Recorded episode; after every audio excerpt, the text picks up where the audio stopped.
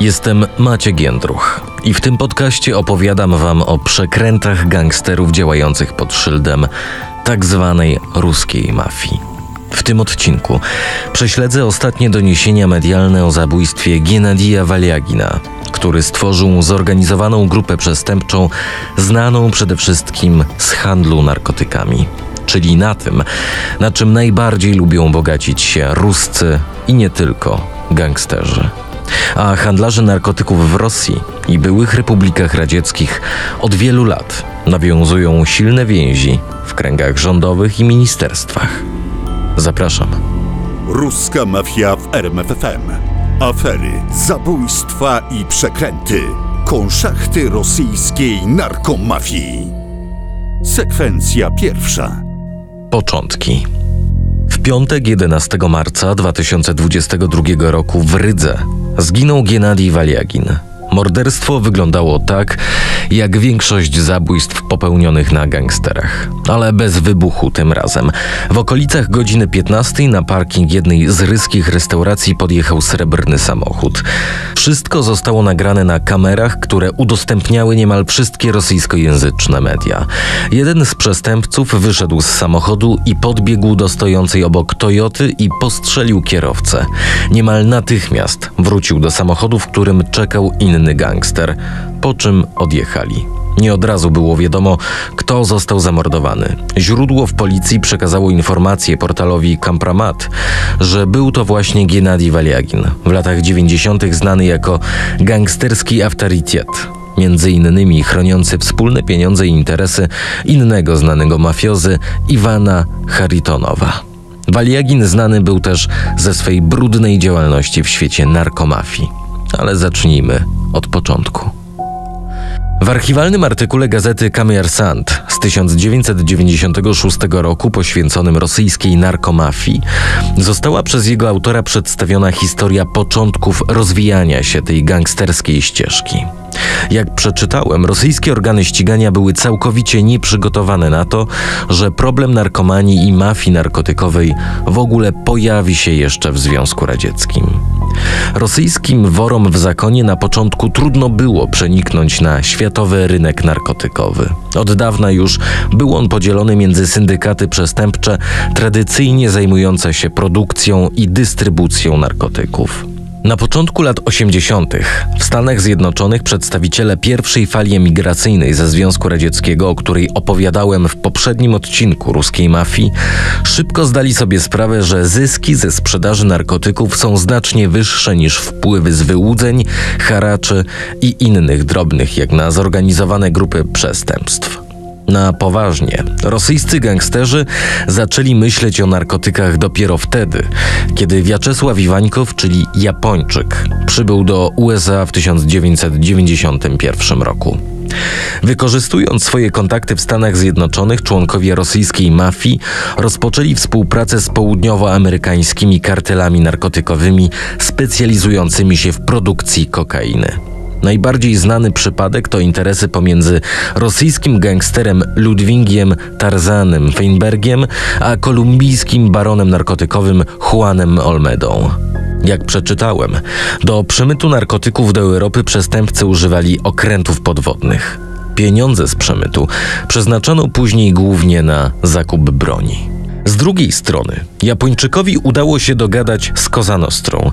Negocjacje odbyły się w Wiedniu. Rosyjską mafię reprezentował, jak przeczytałem w materiale Kamiersanta, Japończyk oraz inni gangsterzy z sącewskiej zorganizowanej grupy przestępczej oraz gangsterzy z Krasnojarska. W imieniu Kosanostry wystąpiły głowy kilku mafijnych rodzin. W negocjacjach natomiast pośredniczyli kolumbijscy handlarze narkotyków z kartelu Escobara którzy byli zainteresowani rynkiem rosyjskim. Jak poinformowała gazeta Kamiersant, rozmowy były podsłuchiwane i nagrywane przez Interpol. Po długiej debacie gangsterzy doszli do konsensusu. Rosjanie mieli importować kokainę, heroinę i niektóre rodzaje narkotyków syntetycznych, metamfetaminę, ekstazji i LSD. Eksportować za to mieli surowce roślinne. Jednocześnie co tydzień mieli płacić Włochom po kilka milionów dolarów. Prawdopodobnie to właśnie wtedy po rozmowach z włoskimi mafiozami, narodził się i zaczął formować rosyjski narkobiznes. Sekwencja druga. Dzisiaj. Przez Federację Rosyjską biegnie szlak przemytu kokainy do Europy Zachodniej. Przytoczę kilka ciekawych informacji. Pierwsza związana jest z prezydentem Rosji, Władimirem Putinem. O tym także opowiadałem już w ruskiej mafii. Wiktor Iwanow, przyjaciel Władimira Putina i gangstera Władimira Kumarina, był szefem Wydziału do Walki z Przemytem do 1994 roku i efektywnie pomagał Putinowi w przejęciu kontroli nad petersburskim portem morskim, będącym punktem przeładunkowym kolumbijskich narkotyków. Kiedy Putin pracował w merostwie, mafia tambowska, dowodzona przez Kumarina z pomocą Iwanowa i pod ochroną Putina, mogła swobodnie manewrować narkotykami. Przenieśmy się bliżej dzisiejszego dnia. W maju 2022 roku Jurij Sobolewski, pierwszy zastępca przewodniczącego Hersońskiej Rady Obwodowej, opowiadał o tym, jak Rosjanie zaczęli rozwijać biznes narkotykowy w okupowanym obwodzie hersońskim na południu Ukrainy. Sobolewski przekazał wówczas mediom, że Rosjanie obiecują miejscowym plantatorom ochronę procent od zysków oraz stanowiska w swoich regionalnych administracjach. To nie wszystko. W 2020 roku media, również polskie, pisały o nowych ustaleniach dziennikarzy śledczych w głośnej sprawie znalezienia setek ton kokainy na terytorium ambasady Rosji w Buenos Aires. Rosyjski portal Dossier, opierając się na materiałach ze śledztw, ustalił, że część z nich mogła być przeznaczona dla deputowanych do rosyjskiej Dumy i senatorów Rady Federacji Rosyjskiej. Sekwencja trzecia. Co z Waliaginem? Po zabójstwie Gennadija Waliagina policja szybko ustaliła, że w akcji brała udział międzynarodowa grupa przestępcza. Plan pościgu za sprawcami został ogłoszony na całym terytorium Łotwy. O samym Waliaginie nie wiadomo zbyt wiele. W rosyjskojęzycznych mediach pojawiają się tylko informacje, że Gennady był liderem rosyjskiej gangsterki działającej na terytorium Łotwy. Jedno było pewne: policja podawała, że morderstwo może mieć związek z handlem narkotykami, a także z rosnącymi wpływami w Łotwie innego rosyjskiego wora w zakonie Wieczysława Szestakowa. Kim jest Szestakow? Odpowiedź na to pytanie znalazłem na stronie internetowej Spisek Putina, czyli Lista Putina. To projekt stworzony przez Forum Wolnej Rosji, która gromadzi dane o osobach powiązanych szemranymi interesami z Putinem, ludźmi związanymi z tłumieniem swobód obywatelskich w Rosji.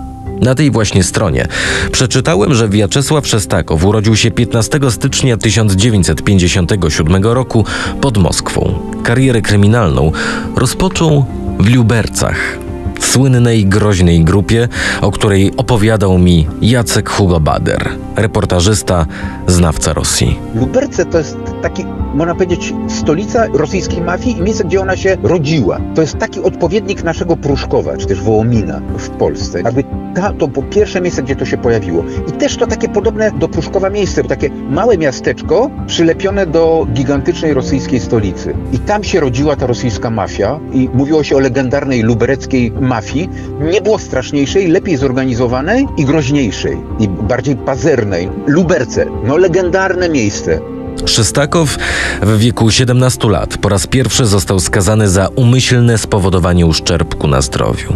Następnie dwukrotnie został aresztowany za udział w bójce. Jego kariera oparta była m.in. na handlu narkotykami. W 2000 roku Szestakow został aresztowany w Czechach i wydalony do Moskwy. Wkrótce jednak był wolny. Sąd w Lubercach umorzył postępowanie karne Szestakowa w związku z amnestią na cześć 55. rocznicy zwycięstwa w II wojnie światowej. Jak podaje portal, osiedlił się na chwilę w Hiszpanii. Być może, że w Costa del Sol. O tym, znanym rosyjskim mafiozom hiszpańskim regionie, opowiadałem w ruskiej mafii. Do Łotwy trafił w 2010 roku. Zakupił tam rezydencję, co pozwoliło mu uzyskać pozwolenie na pobyt w tym kraju. W 2012 roku władze łotewskie wydaliły Szestakowa i umieściły go na czarnej liście osób, których pobyt w Łotwie jest niepożądany.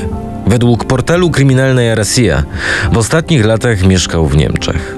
Natomiast inny portal, Kampramat, twierdzi, że wor w zakonie Sliwa, jak nazywali Szostakowa przyjaciele z branży, znów przeniósł się do Hiszpanii, do Costa del Sol. Tam też wciąż zajmuje się handlem narkotykami i być może stamtąd chciał kierować i powrócić ze swoimi biznesami do Łotwy. Do tej pory łotewska policja nie ustaliła, kto tak naprawdę stoi za zabójstwem Ginadija Valiagina. W następnym odcinku. Czy FSB, rosyjska Federalna Służba Bezpieczeństwa, walczy z mafią, czy może jednak współpracują?